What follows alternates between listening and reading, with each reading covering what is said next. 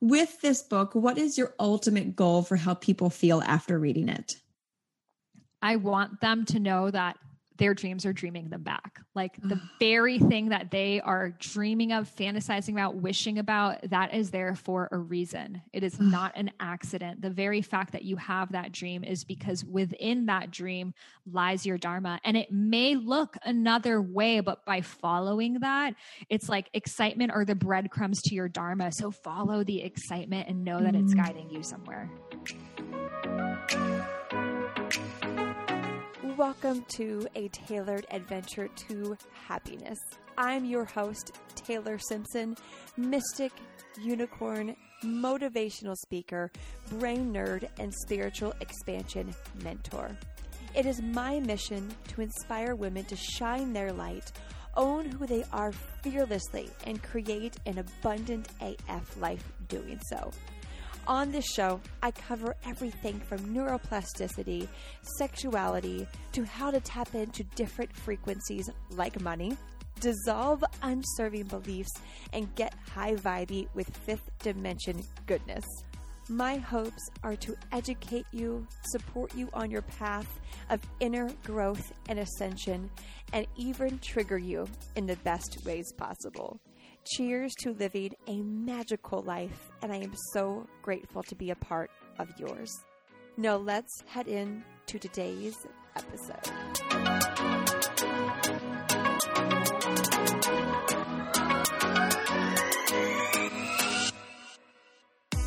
Hello and welcome to a tailored adventure to happiness. If you are new, welcome. If you are a regular, I love you. And today I'm bringing you, well, back a magical guest and sister of mine, Miss Sahara Rose. She has recently come out with, I think it's her third book. It's called Discover Your Dharma, a Vedic guide to finding your purpose. And what I love so much about this book and this conversation that you're about to tune into is how she breaks down nine different Dharma archetypes. So if you've been struggling finding and figure out what your soul your soul's purpose is, allowing yourself to see which archetype you are will help you almost give yourself permission to lean into your unique gifts and your unique personality so you can actually then effortlessly find your purpose. And when she breaks down these nine archetypes in this conversation, if you found your purpose, but you feel like you're you're not creating the success you want, or you're falling for comparisonitis, or you you're like, I think I should be doing this because other people are doing it. This is going to help you tremendously as well. Because if you're listening to this podcast, you are all about aligning with your higher self, your divine, the divine goddess that you are and making sure that you are living in your purpose. So, in this book and in this conversation with Sahara Rose, you are going to receive so many golden nuggets. I discover which archetype I am, and you are going to see yourself mirrored in so much of this. So, I am really excited for you. And to grab Sahara's book, um, she shares it um, shares it in here, but you can also go right to imsahararose.com slash dharma d-h-a-r-m-a to pre-order your book and get a bunch of magical bonuses. So without further ado, let's slide into this conversation with Miss Sahara Rose.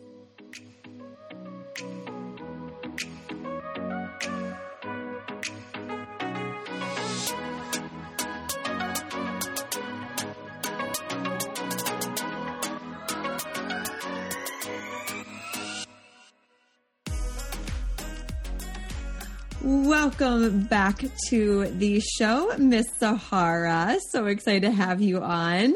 Oh, so grateful to be back, Taylor. And what what beautiful times. Who could have guessed? I know. I love it. And we were just talking about you having moved to the ocean and owning your mermaidness. And my husband and I actually just bought a home in Charleston, South Carolina, um, off the ocean as well. So we're we're both feeling called to that the water babies that we are. uh, isn't it amazing? Just like the grid is being set in so many Yeah. places. Like sometimes Yeah. I think about how there were so many of us, like light workers or whatever you want to call, but we were all like in in big cities because we all felt like, oh, if I go to you know Charleston or Miami, I'll be I'll be alone. But we're really like setting the grid for it to be all around the world and holding that frequency there.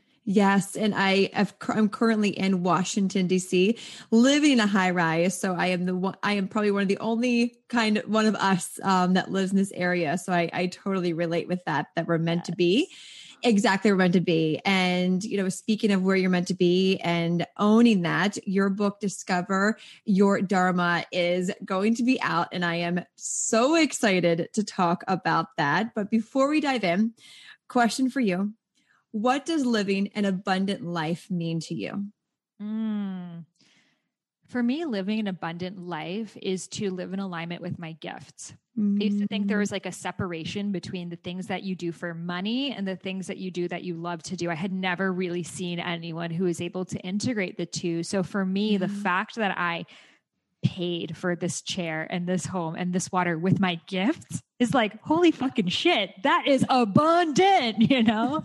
so that's really what it means that the fact that I Mm. can do what it is that I was meant to do every single day. Oh, yes. And when you do that, life just gets easy. Life, and not easy as in rainbows and unicorns, because there's going to be challenges, there's going to be growth opportunities, I like to say. But it just, you, you just know, you know that you're on the right path and that you always get those answers. And so, what called you to write this book in the first place, Discover Your Dharma? Yeah. I mean, it was my own question of wondering if I even had a purpose, not sure about it. I grew up with a family of a refugee and an immigrant as parents. And, you know, life was really mostly about survival of how do we live safely in a country where there's no war and revolution happening and survive. So Mhm. here I was lucky enough to be born in a safe place and I'm seeking Mm. for more. So my, you know, all I knew is I'm here to help others. That's all I knew. And I would look around of like, okay, who's helping others? Mother Teresa. Okay, I guess I'll be a nun. Gandhi. Okay, I guess I will do a hunger fast. Like whatever I could do to help people. You just don't really see that many examples of someone who's living in joy, who's living in truth Mm. that's also being of service. So I always thought that service requires sacrifice. And then if I sacrifice myself, then I can really help others. So I would look at what are the worst issues in the whole entire world human trafficking, child labor, child marriage. I'm like, okay, I'll fix those. So that's what I did. I worked with many NGOs and I was the president of my Amnesty International chapter, not even knowing that Amnesty International was the organization that freed my uncles from political imprisonment Mm. or that my own grandmother was in a child marriage when she was 12 years old. Like something deep in my soul could feel that I was here to be of service with these things, but I didn't know why. It was just an Mm. ancestral calling within me. So I thought I would be an international human rights lawyer. I thought that's the way I could help the most amount of people. And in that process of working with NGOs, realizing that I was not in alignment with my gifts, I I felt boxed in, I didn't feel creative, and I felt totally out of touch. And I felt like I'm not even helping people. We're just raising money to spend it on a fundraiser. And how is it even going to the people? So I felt really confused with how can I do something in alignment with my gifts that's actually of service? And I wasn't sure what the answer to that was. Then I got on my own health journey, my body shutting down, going into perimenopause when I was 21 years old. And my focus just became about how can I heal myself so I can so I can live, so I can be mm-hmm. okay. And then learning about Ayurveda, the world's oldest health system, and the sister science of yoga based on the mind body connection, using Ayurvedic practices to heal myself, and then naturally wanting to share that out with the world. Now, at that point, my parents were like, no, no, no, no, that's a hobby. That's not what you do. Like, are you crazy? Like, you're going to be a starving artist. You're going to end up homeless. You're so out of touch with reality. Like, you got to go get a normal job. And it was so hard because I was so inspired to share about this thing that had helped me me so much and I knew it could help so many lives, but I didn't know what the roadmap looked like. It wasn't like becoming a lawyer that there's like some steps to it. It was just completely going out into the wilderness and also not knowing if they were right. Maybe I was wishful thinking or believing in a Santa Claus that doesn't really exist. So it was in those years that I was really grappling with this concept of do I have a purpose? Do I not? Is it selfish for me to live my purpose? Am I hurting mm. others by living my purpose? And how can I live in alignment with my joy and be of service? And that's when I just went on a deep spiritual journey of learning everything I could about myself. And this concept of Dharma really came up for me of your soul's purpose being the big reason why you're here. And that's when I realized that my health problems, my lineage, my obstacles, all of that was training me for me to live my purpose. So, mm finally I wrote those Ayurveda books and I walked up to Deepak Chopra at a conference and he wrote the forward of the books. And now I have three books. And the question that I would always get from people was like, how, how are you doing this? Like, how mm. are you just sharing ancient spiritual wisdom with the world? And I realized that so many people also had gifts inside of themselves like I had, and these limiting beliefs, obstacles, societal, familial conditionings were holding them back. And that's what inspired me and really taught me that all of these systems I had been studying about Ayurveda, Vedic wisdom, etc., was preparing me to see it from this lens of how it's in alignment with your purpose.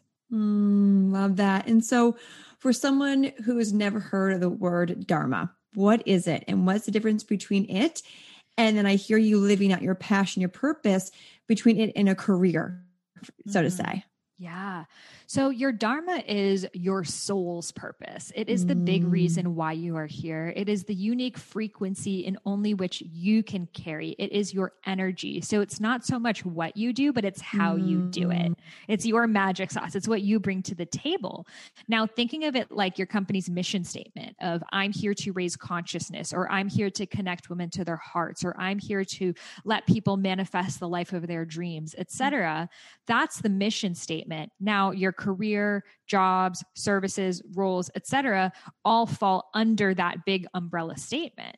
So that's why a lot of people think, oh, well, I got to just go find my purpose. And it's this like one time thing. But your Dharma is being true to who you are at any stage of your life. It's a constant mm. expression of who you are at any given moment, which shifts and evolves as you get closer in alignment with your truth. Mm. So I like mm. to think of it more as remembering your Dharma than it is about finding it because it's not something mm. that's outside of yourself. It's more so your Dharma is you in your naked human form and we have put on all these hats and gloves and shawls and socks and all of these things that we think are us and then as we let go of the socks which could be this childhood trauma that we experienced or the hat which could yeah. be this belief that i'm not worthy and the socks which could be my parents will never be proud of me if i don't show up this way we start to remember and yeah. that's really what living your dharma is about mm, it's so funny even before you said being naked with all the things i literally envisioned someone in their dharma walking around the world naked full vulnerability full just like themselves of here's here's who i am how i am in this moment in this moment in this moment take take it or leave it but owning that from a place of like humbleness of t- truly take it or leave it I know who I am. I remember who I am. Therefore, I truly don't allow myself to fall for what isn't in alignment with me. And we talk a lot about alignment on here. And so with that notion of that that woman that's listening who's thinking i would love to walk around naked right so to say i mean whatever teach their own i'm all about walking around naked and so but allowing yourself to be in alignment with that what about the woman that has okay what about my parents who don't support this? Or what about social media? I'm scared that if i do show up as myself i'm going to get hated on or you know that i'm going to be judged and failed. What do you say to those women? That's all part of the path.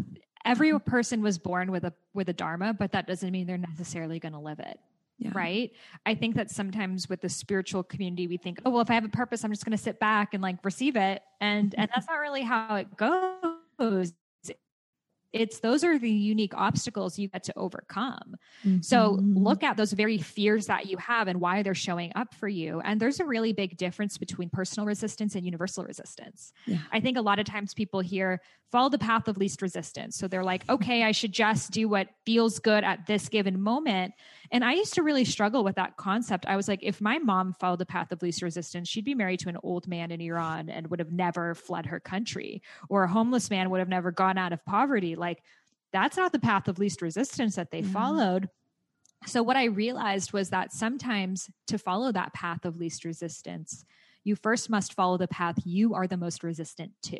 Mm. And that are that's your personal resistance. Those are those roadblocks, those limiting beliefs. What will other people think? I'm not good enough. Someone else is doing it. I'm confused. Um, there isn't enough time. I don't want to overexert myself. And I think oftentimes we try to get ourselves off the hook of, you know, let, let me just see what happens. And then year after year we end up in the same exact place. Yeah. so that personal resistance are the those very things that are preventing you from embodying your dharma. Because mm-hmm. finding it and embodying it are two different things. For me it was very much the my parents other people etc so I had to go through being disowned by my family, not having a relationship with my family, literally cutting that cord to the point that I had to be okay with them never speaking to me again, yeah. which was extremely painful coming from a very tribal background that you stay together, family is everything but also knowing that if I adhere to what they want for me rather than what I know to be true for myself,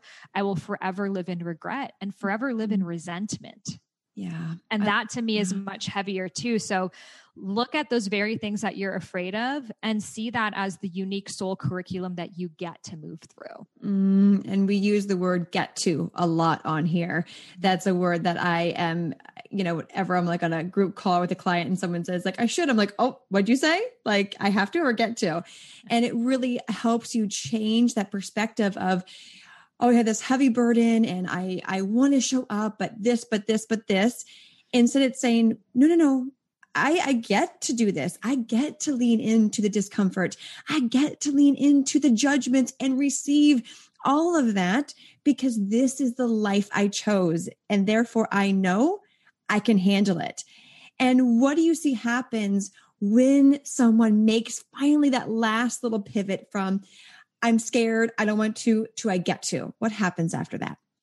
They realize that that fear was just this illusion. Like there's this beautiful mm-hmm. like meme and it's this big horse and it's tied onto this plastic chair and it's like the horse thinks it's chained to something but it's really not and it's just an illusion. So i think so many of us we have to go into what's the worst thing that can happen to me in this and actually see that see that as a possibility and realize that sometimes the worst thing that can happen to you is actually the best thing that can happen to you mm-hmm. because it's in that that you become free. Yes. Amen to that. And then you can quite literally raise those frequencies, shift your energy. And what happens when you shift your energy and raise that is you tap into the matching frequencies of the opportunities, the people, the situations that will actually fulfill that dharma and kind of replace those ties that you had to cut in the first place, maybe with people, family, friends, old beliefs. And before you know it, you're quite literally living that life that's in alignment with you. So that's that's so powerful. And I know in the book you talk about the nine different Dharma archetypes. So we are all about um, archetypes on here and really better understanding how we individually show up. So let's break those down. What is number one? Yeah. So the first one is the teacher, which you definitely have. I have myself. And the teacher is someone that really learns through life by going through an experience. So, mm-hmm. you know, I learned about healing myself through Ayurveda. I want to share that. I learned about finding my Dharma. I want to share that. And I'm continuing to learn through things and I will continue to share them. So if you are like that child that to learn a subject, you had to like teach it to other people, then you have that teacher archetype within you. So that's just the lens that you're going to see the world. You're just going to be forever trans transmuting experiences. And that's how you're going to get to the other side of them. You actually mm. won't until you're able to pass that torch and teach it to others. So, do you feel like you have that one? Oh my gosh. I'm like thinking of all the lessons I, you know, yeah, I've been to anger management, Overeaters Anonymous. Like I've been through, I purposely put myself through really heavy but vulnerable situations to learn from it. Had I not put myself in anger management, there's no way I would have learned how to forgive, how to release energy, how to transmute it, how to alchemize it. So, yeah. And now I teach how to work with that energy and lean into shadow. So, that one is spot on, teacher. Love that. So each of them have their own shadow side too. So the mm-hmm. shadow side of the teacher is sometimes, and I don't feel like this is, I don't think it's us, but, but sometimes you know that teacher you had in like history class that was like not connecting with the people. Like they're just mm. like, I want to teach this thing because it matters, but they're not like feeling the energy. So sometimes yeah. the teacher can come off as like preachy or yeah. disconnected. So it's important for them to really connect with the people they're teaching with. Mm-hmm. And and then maybe have to shift it to be in a different way for it to get make sense. I know a lot of teachers have a tough time with social media. They're like, mm-hmm. I don't want to dumb it down into Instagram posts and fucking reels, 15 seconds. It's not enough time. But it's like if that's how people are taking in content, as a teacher it's our opportunity to to shift and and so show up in that way if it is that we want to reach those people mm, and there's also i'm sure a little ego involved of well i'm not going to dumb down to that but really if you're living in your dharma, you'll fucking do what you need to do to to get the message across that you know people are ready to receive. Mm-hmm, because yeah. living your dharma truly is being of service and yeah. realizing that it's not about you, it's not how you want. Because when it's, I want to teach it in this way, and this is how it's going to show up it's good to be in that stage for a period of time to yeah. you know define who you are and how you want to serve and your voice but then when you become so stuck in that way it's yeah. like you're still teaching on the chalkboard and everyone's on an ipad who are you really teaching to is it about is it about sharing the knowledge or is it about you doing it the way that you want to do it amen i love that so i yeah. know a lot of a lot of listeners are like yep might be in that stage right now. So good. exactly. So what's so number two? The next one is the nurturer. So mm-hmm. the nurturer is here to care and connect. They are here to dive deep with people, to listen. So the teacher is more like giving you the knowledge. The, the nurturer will ask you a question to bring out the knowledge that exists inside of you. Mm. So they make excellent coaches, therapists, space holders, nurses, etc. And they really like to be on a one, more of a one-on-one setting or in a small group. They're really like touchy feely. They don't want to feel like super disconnected, like behind all this technology or on this big stage necessarily. Now, this doesn't mean that they can't do that. You know, Oprah is a really good example of a nurturer that she sells out the Staples Center with which has, you know, tens of thousands of people, but sits on a chair next to the person she's interviewing and just asks them a question to take them deeper into their own truth. And that is the superpower of the mm. nurturer. So mm. that's their beauty. That's their that's their purpose. Now the shadow side of that are the boundaries. Mm. It can be mm. really hard because you want to help everyone. You know that you can. You really really feel for them. They can be very empath- empathetic. empathetic. Um, I'm like, how do I say this word? Um, empathetic. So yeah. they can have a hard time, you know, deciphering what's mine, what am I holding on to for someone else. So it's really important for them to know, for them to fully step into their nurture abilities, yeah. there needs to be some boundaries there. Like I was talking to my mom, I'm like, Mom, what's your Dharma? Like, by the way, I do want to add that even though my parents threatened to disown me, all of those things, the beauty of living your dharma is it comes full circle that now I'm teaching my parents how to find their dharma. so I was oh, helping my mom when when she came and visited and you know she's definitely nurture archetype and she's like I want to be a life coach but a free one. Like anyone could just come to me for free whenever they need. And I'm like I love that and like people aren't going to really take the advice seriously if they just know they can call you for free and then that's it. They can go on for 6 months and then there's no framework, there's no process they're going to go through. But it was hard for her to understand because she was just like, I just want to help people.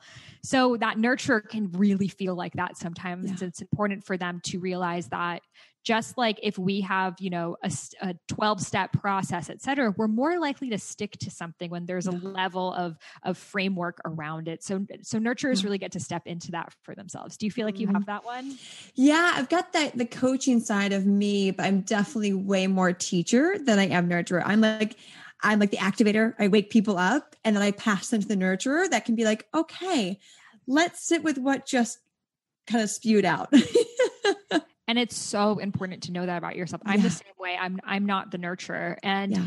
and when i was you know one-on-one health coaching i really had to play that role. I was like why do i feel so heavy? And like i would be thinking about mm. their problems all the time. I would stay on the call for like two and a half hours with them. And i was like kind of resenting my job because mm-hmm. I'm not the nurturer. I, that's not my superpower. I can tap into it, but it's not why I'm here. So it's important to know that yep. because you can be a coach, but have more of that teacher spin or the warrior spin. And we'll talk about the other ones. Mm-hmm. But a nurturer, oftentimes they look at like other people in the coaching industry and they're like, Am I doing something wrong? Like, I don't want to do all these courses and masterminds yeah. and memberships and all of these things. Like, I just want to coach people. And mm-hmm. that that's what they're good at. That's what their superpower is. Even if they have millions and millions of followers like Oprah, keep doing that. Yeah. That's what you're here to do. Mm, and I, it's almost like it's not falling for the comparison itis because I think a lot of coaches right now with social media are like, well, they're doing this, so I should do this, and they're uh, launching this way, I should launch this way, and it's like, no, it's in alignment with them. Mm-hmm. If it doesn't feel in alignment with you, it's not going to work out. It might quick work out, but that long term ROI, long term impact isn't going to be there. So I, I love that you highlight that. Totally. Yeah. Like the yeah. nurture, their launch could be like hop on a Facebook live with me and watch yeah. me coach someone. Yeah. And just like other other people will feel what a great coach they are. And they yes. don't need all these like fancy funnels that the entrepreneur archetype would want to make. Yes. So it's like even everything that we do, the more that we can bring our archetypes into it, the more it will expand because we're in our yes. gifts. Yes. Oh, love it. All right. Next one, sister. What is it? So the next one is the visionary. So the mm-hmm. visionary is here to be a bridge. They are here to be a channel for the way that we can be in the new paradigm. So they are mm-hmm. big picture, future oriented, very spiritual, idealistic, and their gift is their communication. And it's not mm-hmm. so much about what they say, but it's how they say it. It's the energy transfer in which they give. So they will mm-hmm. help you see that the world is not the way that you think, but it's from this really higher perspective where all possibilities exist. So their charisma, their passion, the way that they can explain things, that's really what they're here to do. So mm-hmm. visionary is definitely my number one archetype. I don't know how does that one feel for you?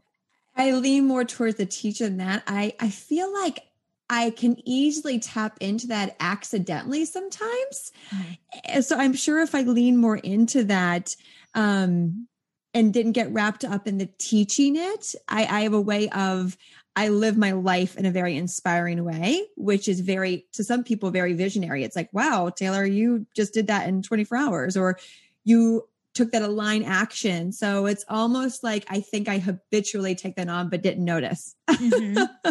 And different archetypes can come online at different yeah. So teacher is my number two one, but definitely when I more so started, it was the teacher because I was yeah.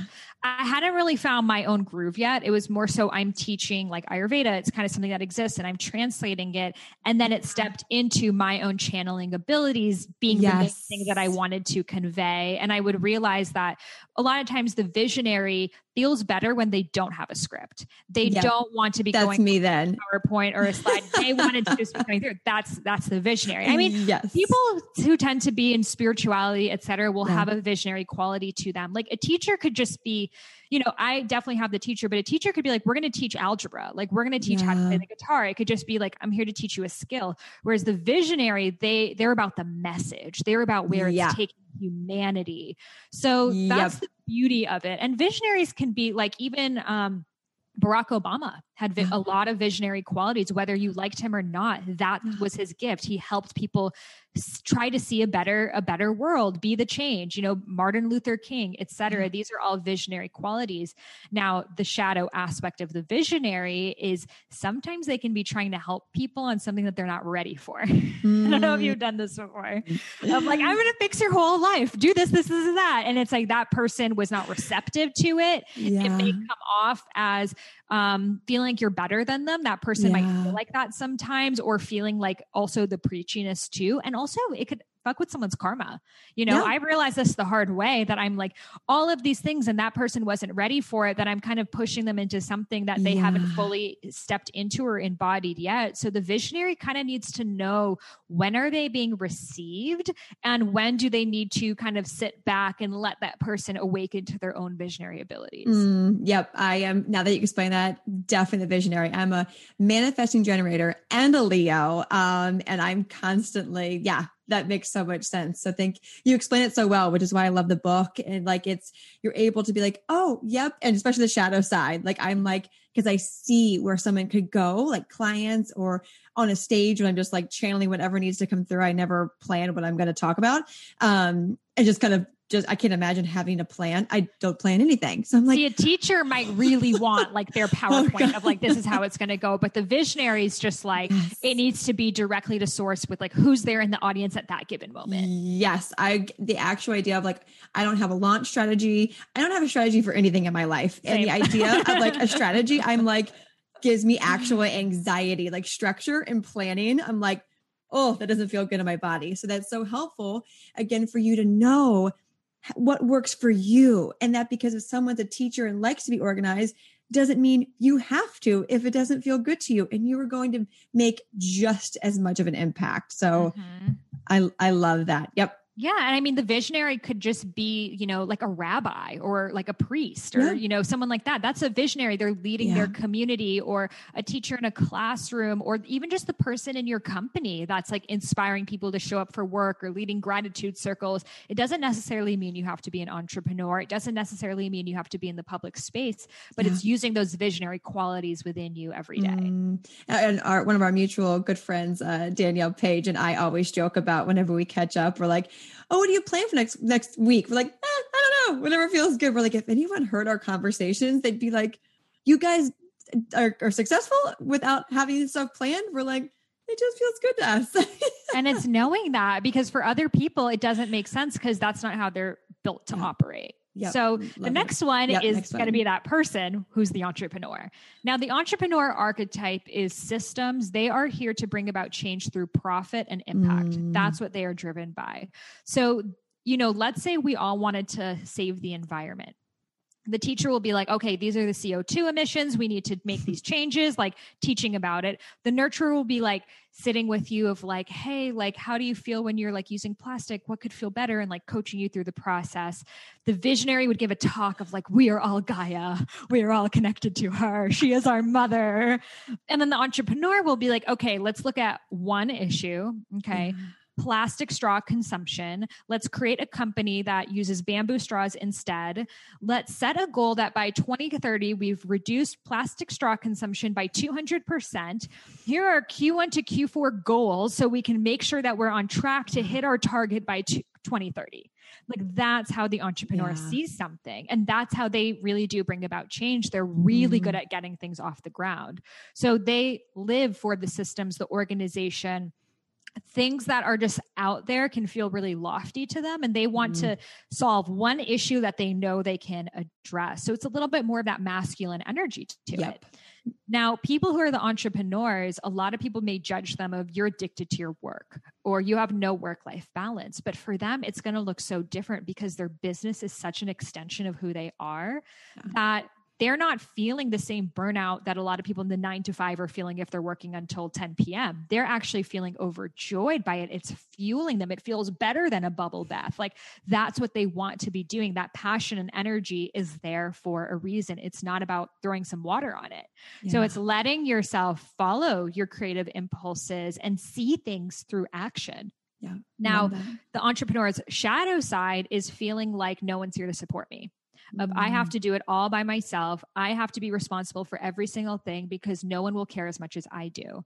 So that's why they have a hard time, you know, hiring, trusting people, finding people because it's true. No one will care as much as they do and especially if it's your own business. So for them my my affirmations are trust and surrender because mm. sometimes they try to hold on to everything so much that it can't really get as far as the dharma could have if they accessed first of all the other archetypes within them but teamed up with the other yeah. archetypes found the nurturer who could do the customer service find the visionary who can help you with your messaging etc so you don't feel like you have to hold it all on your own and the mm. other thing i mm. want to say especially with entrepreneur because i think a lot of your audience are yep. entrepreneurs but they may feel like well i don't feel like that textbook entrepreneur it doesn't mean that you have to become this person like i yeah. used to think like i'm just going to keep listening to gary vee until i like become this and it's just it's just not me However, I'm so grateful for his medicine at the time when I really needed to learn how to step more into my my entrepreneur archetype. So it's about having access to the different archetypes that you need of now i'm able to play in the entrepreneur space. I'm able to do a launch or set up these things but i'm not going to shift my entire dharma to just like build businesses. That's not what i want to do but yeah. i'm going to make sure it's not a hole in my pocket so i'm not able to really use my visionary abilities because i haven't made friends with my entrepreneur Mm, I love how these all connect. So, uh, boss babes listening, if you're starting your business or you've been in it and you're like, oh shit, I never thought about having a different support teammate to help in a certain archetype, gold, gold. I love it. All right, next one, sister. Mm-hmm. So, the next one is the artist. The artist is here to bring about beauty. They're the type of people, everything they do, their Instagram feed, their home, their outfits, their bookshelf, it's beautiful. Like they just have a beautiful touch. And for them, it's really about the look and feel, the aesthetic, the, the details that may not even be noticed by other people artists out of all the archetypes are taking in the most energy from different places and that's what mm-hmm. allows them to create art yeah. They may be in a shitty experience and like come up with a poem from it or, you know, have a bunch of scraps and like build something from it. And that's what the artist does. It takes this mundane human experience and turns it into art. Mm-hmm. So that is their gift. We need that. We've always had it since the time we were cavemen or in other galaxies. We've always had a form of art and expression. It makes this life worth living.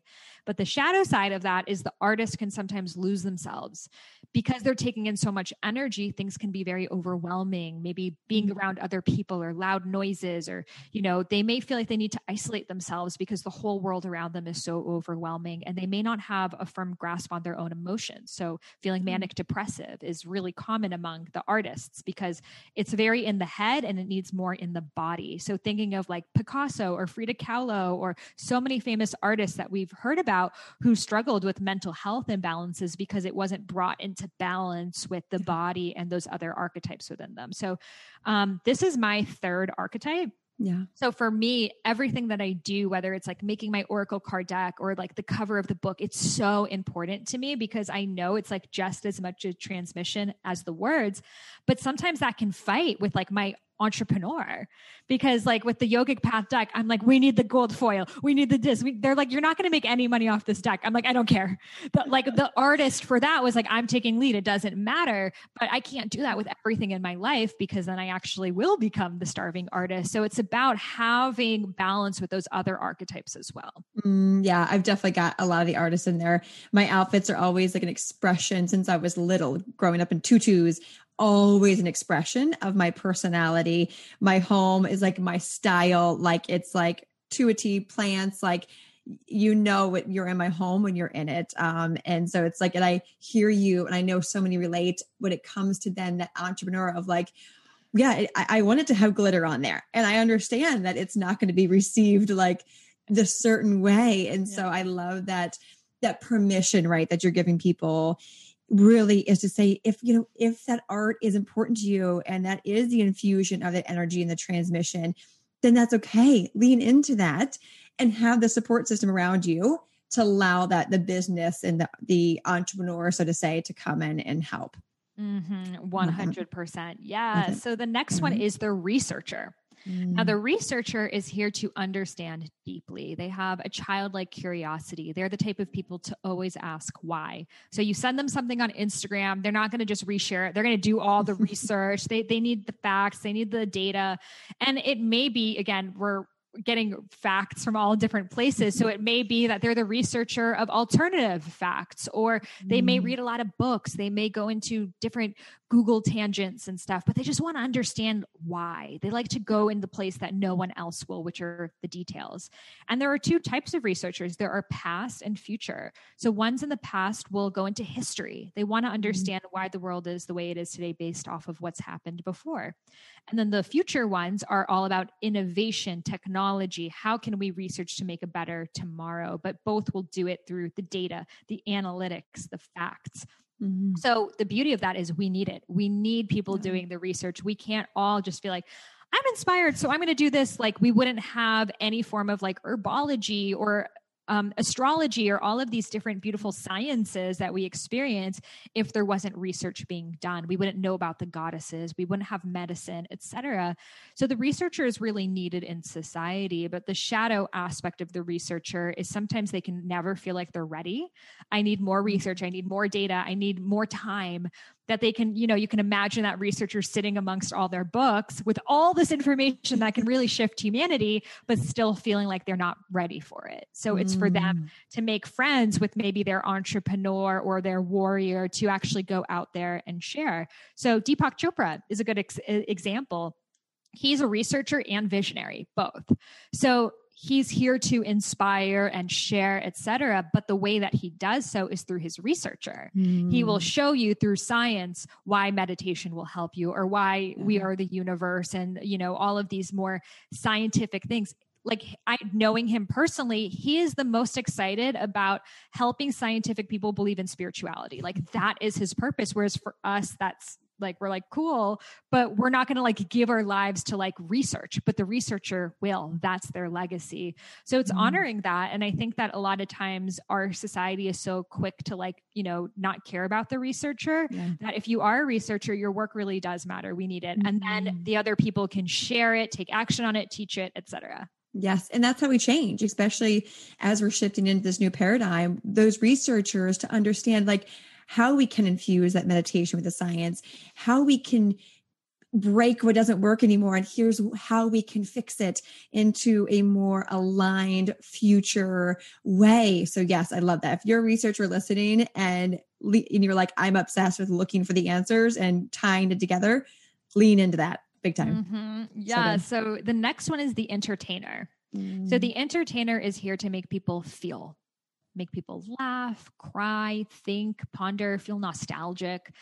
They really want to give people an experience and put them in a different state that they're not in. And for them, this life is their stage. So they're the type of people who even take the most mundane moment and turn it theatrical. So, for example, like, you know, when you're leaving a concert and you're stuck in your car for like four hours, yeah, totally. you're just like waiting to get out of the parking lot the entertainer in the car will like take that opportunity to like tell stories or like do karaoke or like let's play this game or like let me do these impressions and like for them they see that's a mundane moment i'll use my entertainer gifts to to give people an experience so mm-hmm. they might be at a party everyone's gravitating around them they're telling jokes they have this just like really charismatic energy to them but the visionaries a kind of more serious feel is like mm-hmm. where's humanity heading whereas the entertainer is just like let's talk shit or like i'm going to do this this piece of art for you just for the purpose of it. It doesn't mm. need to mm. have this like big spiritual cause around it, but it also can. So Jim Carrey is a really good example of the entertainer that he is also a visionary and very conscious but the way that he does so is to literally morph into different characters that he will give you an experience to make you see the world in a different way so that's their gift. Sacha Baron Cohen is another great example yeah. of like playing all these different roles. He's Ali G, he's Borat, but the real reason is something deeper underneath why. So they they can really understand why people are the way that they are. They can play a role, they can step into another character, but that's also the shadow side of sometimes not knowing who they are because they're always playing a role that they may feel like I always have to make people laugh or they won't care about me. Mm-hmm. So oftentimes entertainers lock in what they really are feeling. Robin Williams being an example of that, of making everyone around him laugh, but we didn't know what he was feeling inside. So in entertainers, you see a lot of addiction. That's really common because it's self self-soothing and self-numbing. Yeah. So that's why we see this so often music industry, etc. So it's for the entertainers to give themselves permission to just also be themselves, to find out what that looks like, not feeling that, that they have to constantly entertain.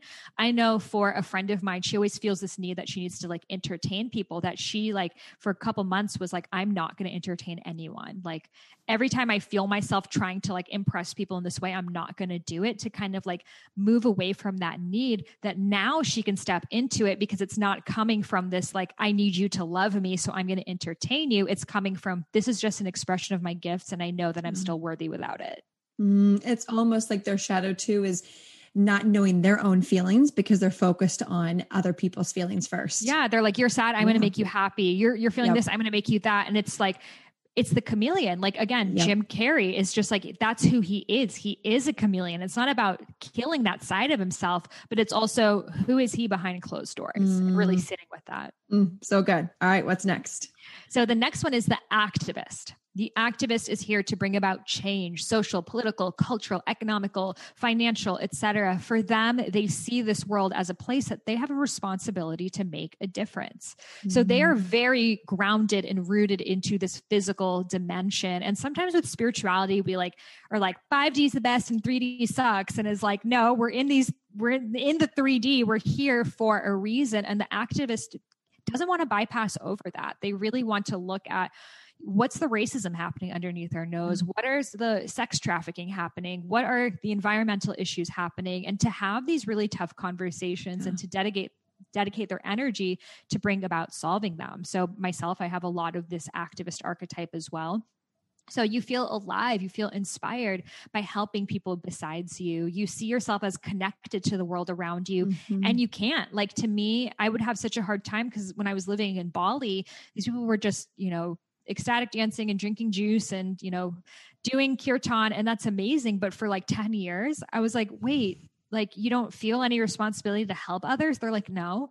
I'm like it was so hard for me to mm. understand because my activist is so strong that now I've realized not everyone's primary archetype is going to be an activist. But again, we all have an activist inside of ourselves. And sometimes when we feel like there's so many problems in the world, I don't even know where to start, we kind of, again, divorce ourselves from it. So 2020 really has been the year of the activist, of mm-hmm. looking into what is my relationship with my activist? Do I feel comfortable there? And it's also shown us that not everyone is meant to be like an out there activist. In fact, when we try to peer pressure everyone to do it, it's going to show up in performative ways or uneducated ways, etc. So it's to honor that some people's life work is to be the activist. Marianne Williamson is a great example of yeah. this. She is an activist, you know, she has the teacher, she has the visionary, etc., but it's really an activist of like she wants to talk about the tough things things but it's hard for her to see that like other people just might not care as much as she does and that's the art the activist shadow side as well of feeling this like anger like yeah. the angry activist of just like i'm doing this work for all of us and none of you care mm. and you know mm. if, if you guys aren't even going to care then fuck it and yeah. feeling like it's them against the world and that they just want to like throw the hat in and just feeling really discouraged by the way that they see the world is going because their focus is the shadow aspects. Yep. So for that activist to also find they don't need to sacrifice this life in order yeah. to be of service and for them to find their joy. So for me, you know, activist was super high growing up, but then when I began to nurture my inner artist, I was able to see that I love to express, I love to draw and write and all of these other things and I can change the world through this lens rather yeah. than helping people sign the petition to raise awareness for the fundraiser. And that's still beautiful and still some people's main role to play, but it's the giving yourself permission as an activist to let it show up through your other archetypes. Mm, I, I relate to that one. My my first career, I worked for the United Nations um, World Food Program. So that was my like my undergrad and my master's is all about international development. So I that it was all about being an activist um, and changing the world, feeding the world. Um, and then, especially during 2020, you know, I've been, you know, sometimes the shadow part on my soapbox, like, come on, y'all, like, don't you see like human trafficking? No one understands this the problem. Corruption, no one sees this. And it's like you do when you're when you are an activist at your core, sometimes that shadow is like, like you're like just on the rooftop being like, how does no one see this problem? And it's not that they don't, it's just not lit up in them like it is you. Mm-hmm. And so mm-hmm. that's when you say, okay, I love your your your example of that art of okay, how can I make a difference, bring awareness to corruption, to human trafficking, to all of that, but in a way that they'll receive it that doesn't that feels good to them, whatever that is. Um, so I love that transmuting it into a different way if you end up leaning into the shadow side. Um, which again as a leo i've got a lot of fire. I tend to do that. And so i, I like that tool of being able to shift. Yes. Yeah. And it's like you know, with the activists, it's just really the sense of over responsibility that oftentimes yeah. comes with childhood. And, you yep. know, when you do healing around that, you realize yep. too that it's like, are you really inspired for this cause? Or do you, does it give you worthiness to like fight yeah. for something greater than you? Because, you know, maybe you were fighting for your parents' marriage or fighting mm. for this mm. or fighting for that, that that's all you know. Mm, so it's letting it example. come from a place of, I'm feeling so inspired to talk about this rather yeah. than, I don't know what my worth is without it. Mm, so good. And so, anyone listening that if you feel like you've got a fiery passion around something, and we talk a lot about shadow work and, and childhood wounding, that's why I wanted to highlight this.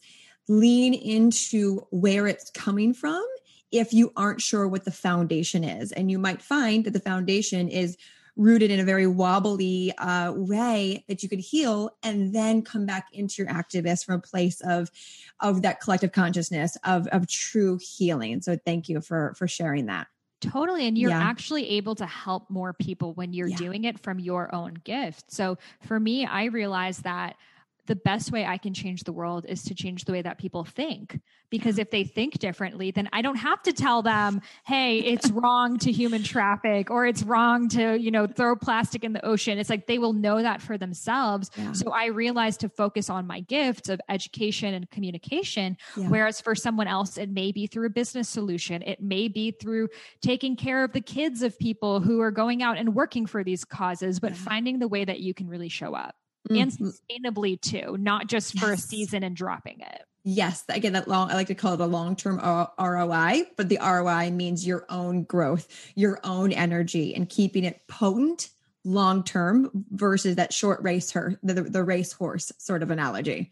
Totally. Yeah. Because, you mm. know, we, we see that too, like on the topic of activism, like mm. this year, people being like, oh, I'm not racist. So I'm going to put a black square and like my work is done, solved racism. And like, does that really help? Or like, I'm going on a mission trip. So for like one week, I'm going to take a picture with all these starving African kids and put them on my Facebook. And like, I solved all poverty. And it's like, are you really or are you just doing that to feel good about yourself right now yes. and and to recognize even if you have done that that's okay yep. and how can i dive into it more deeply in alignment yeah. with my gift so i can sustain this yeah and one of the re- main reasons why i stopped working for the un um, world food program because it was i saw that they were doing it short term stuff mm-hmm. and it was a very toxic environment i was like wait i can make an impact and, and make an impact on the world on my own in my own unique way that doesn't serve my career and having to climb the ladder in an icky way. So it's learning how to make that impact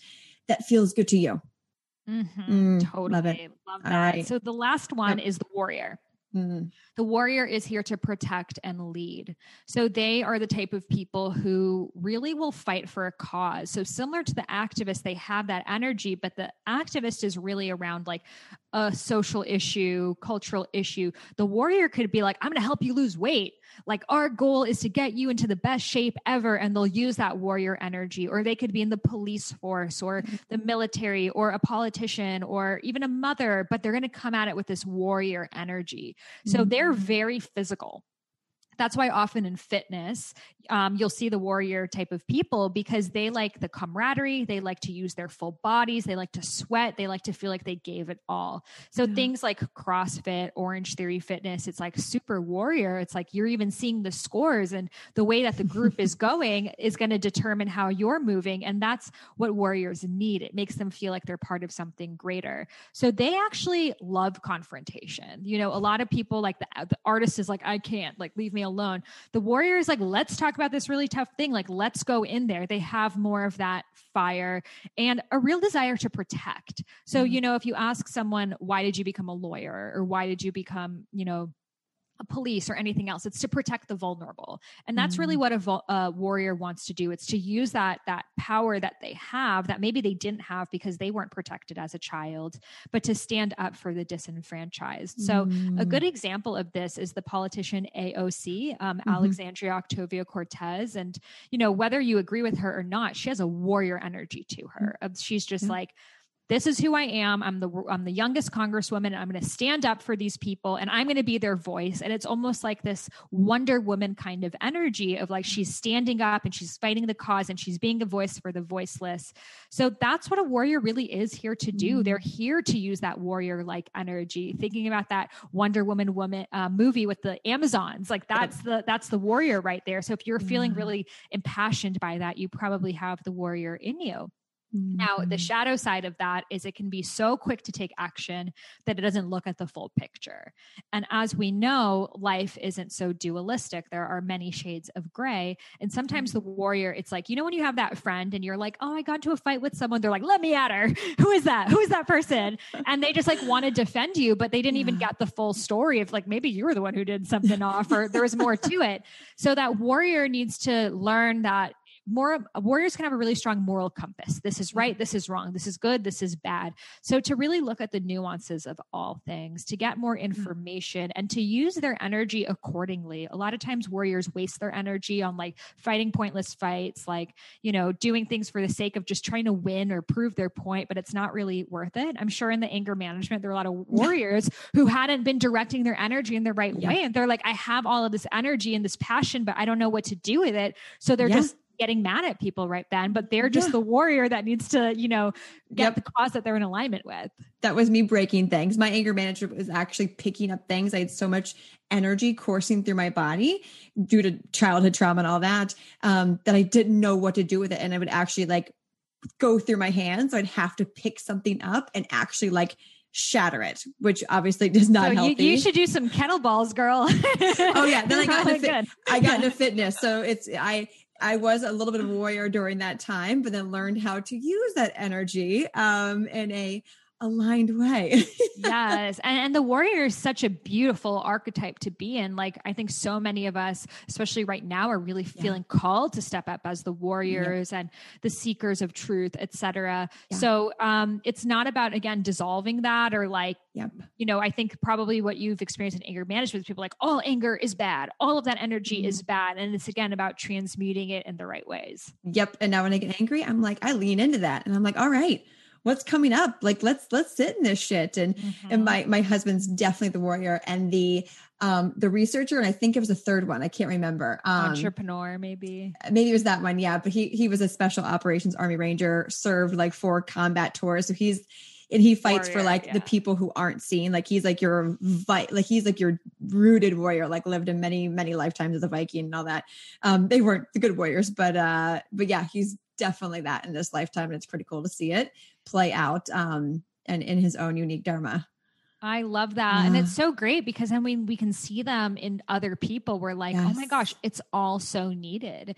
And sometimes we get in our own spheres that we are like, everyone must be a teacher, but it's like, not really. Like no. in my sphere, everyone's a teacher. But I was like telling my husband, Steven, he, I was like, flip open a page of my book and that's your Dharma. He was like, teacher. He's like, oh, I don't want to be this one. I was like, really? Like, how? But you don't think, like, for some yeah. other people, the very things that you love to do could be the last things that, yes. that they want to do. And that's the beauty about Dharma if everyone truly did what they love, what they were soul assigned to do, the yeah. world would come into balance. Yes. And I think a lot of people are like, then who would like clean the toilets? Some people love to clean. Some yeah. people love to organize. Some people love to do tech backend. Just because you don't doesn't mean yes. other people don't as well. And mm. as we mm. all step into our dharmas, we create better solutions. So yeah. we could look at what are the things that humans should not even be doing anymore mm. and create better solutions of it because we're impassioned, we are inspired, and we're looking at things from our highest perspective. Ah, uh, so good. And so, with this book, what is your ultimate goal for how people feel after reading it? I want them to know that their dreams are dreaming them back. Like the very thing that they are dreaming of, fantasizing about, wishing about, that is there for a reason. It is not an accident. The very fact that you have that dream is because within that dream lies your Dharma. And it may look another way, but by following that, it's like excitement or the breadcrumbs to your Dharma. So follow the excitement and know that it's mm. guiding you somewhere. Uh, so good, Sahara. Where can people go and grab their copy of Discover Your Dharma? Yeah. So if you head over to my website, I am sahararose.com slash dharma, you'll find all the links internationally. And then you Perfect. can submit your receipt right there and you can get epic bonuses from me, videos, so meditation, tapping practices, and so much more. And if you want to learn more about the Dharma archetypes, I have a quiz over on dharmaarchetypequiz.com.